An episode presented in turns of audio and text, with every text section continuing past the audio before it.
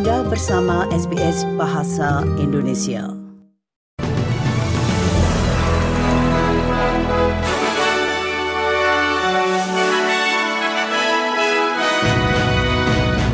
Berita terkini SBS Audio Program Bahasa Indonesia untuk hari Jumat 24 November 2023. Perdana Menteri Anthony Albanese menegaskan pemerintahnya akan melakukan upaya untuk menurunkan inflasi yang semakin meningkat di dalam negeri. Komentarnya itu menyusul pidato dari Gubernur RBA, Michelle Ballock, yang menyoroti tantangan inflasi Australia yang semakin mengembang di dalam negeri dan didorong oleh permintaan.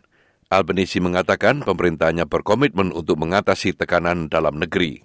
What are the areas where we can provide cost of living relief, whether it be the energy price relief plan, cheaper childcare, fee-free TAFE, uh, the decrease in the cost of medicines, Medicare urgent care clinics are all designed to take pressure off families whilst also not putting pressure on inflation.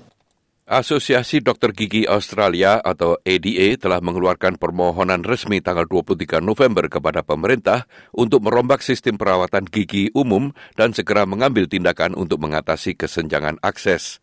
Penelitian yang diterbitkan oleh ADA menunjukkan bahwa sistem perawatan gigi umum saat ini kekurangan dana dan kelebihan permintaan dan hanya mencakup 30 persen dari mereka yang memenuhi syarat. Presiden Federal ADA, Dr. Scott Davis mengatakan organisasinya ingin melihat pendekatan yang mendesak dan tepat sasaran untuk meningkatkan akses bagi orang-orang yang rentan dan mengatasi kesenjangan. Australian dentists have, have long recognised there's a, an inadequate amount of funding for dental treatment for, in particular, disadvantaged groups or people with um, special needs, such as residential aged care, Aboriginal and Torres Strait Islanders, And of course, we need more public funding for disadvantaged Australians on low income. Gencatan senjata sementara antara Israel dan Hamas selama empat hari akan mulai berlaku sore ini. Israel mengatakan gencatan senjata itu bisa bertahan lebih dari empat hari, asalkan Hamas membebaskan sedikitnya sepuluh sandera per hari. Terobosan gencatan senjata itu difasilitasi oleh Qatar dan bantuan Mesir serta Amerika Serikat. Dalam pertemuan dengan Menteri Luar Negeri Inggris David Cameron di Jerusalem, Perdana Menteri Israel Benjamin Netanyahu mengatakan ia akan terus menghancurkan Hamas setelah gencatan senjata usai. There's no hope for peace uh, between Israel and the Palestinians, between Israel and the Arab states if we don't eradicate this uh, murderous uh, movement that uh, threatens the future of all of us. I think it's a larger battle of uh, civilization against barbarism. Sementara itu, Badan Anak-anak PBB UNICEF mengatakan lebih dari 5.300 anak-anak Palestina telah terbunuh sejak perang antara Hamas dan Israel. Direktur Eksekutif UNICEF, Catherine Russell, telah mengunjungi Gaza pekan lalu dan melaporkan bahwa jumlah anak-anak yang menjadi pengungsi sangat mengkhawatirkan. We are particularly concerned by reports of increasing numbers of displaced children who have been separated from their families along evacuation corridors to the south or who are otherwise arriving unaccompanied to hospitals for medical care.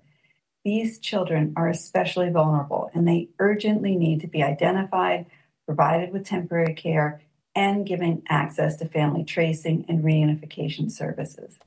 Kandidat wakil presiden dari partai yang berkuasa di Taiwan mengatakan perang dengan Tiongkok bukanlah suatu pilihan. Partai Progresif Demokratik atau DPP telah mengumumkan mantan utusan Taiwan ke Amerika Serikat, Xiao Bi Kim sebagai calon wakil presiden Lai Ching-te. Tiongkok meningkatkan tekanan militernya untuk menegaskan klaim kedaulatannya atas Taiwan menjelang pemilu Taiwan yang akan diselenggarakan pada bulan Januari ini. Xiao Bi Kim mengatakan partainya terbuka untuk berdialog dan berkomitmen pada status quo. And as we take a pragmatic approach to balancing our international partnerships, I think it's also important that the international community, who also agrees with our position in continuing peace and stability in the Taiwan Strait, uh, make clear uh, to our counterparts across the Taiwan Strait that dialogue is the only way to resolve differences. War is not an option. Sekelompok 12 orang mendarat di daerah terpencil di pantai Australia Barat setelah melakukan perjalanan dengan perahu dari Indonesia. Orang-orang itu bukan warga negara Indonesia dan belum jelas apakah mereka nelayan atau pencari suaka.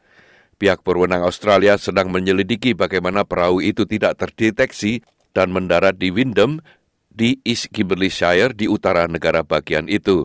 Presiden Shire, David Mansell mengatakan ia tidak terkejut dengan situasi ini dan kapal penangkap ikan ilegal telah dilaporkan berada di wilayah tersebut dalam beberapa bulan terakhir. Sekian berita SBS Audio program Bahasa Indonesia yang disampaikan oleh Riki Kusumo.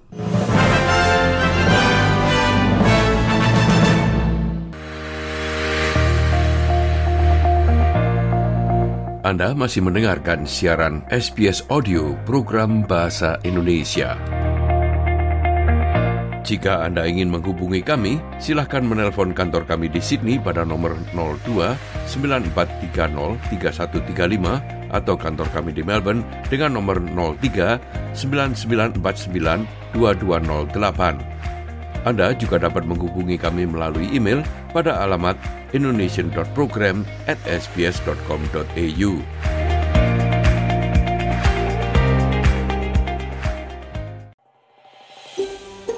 Anda ingin mendengar cerita-cerita seperti ini? Dengarkan di Apple Podcast, Google Podcast, Spotify, atau di mana pun Anda mendapatkan podcast Anda.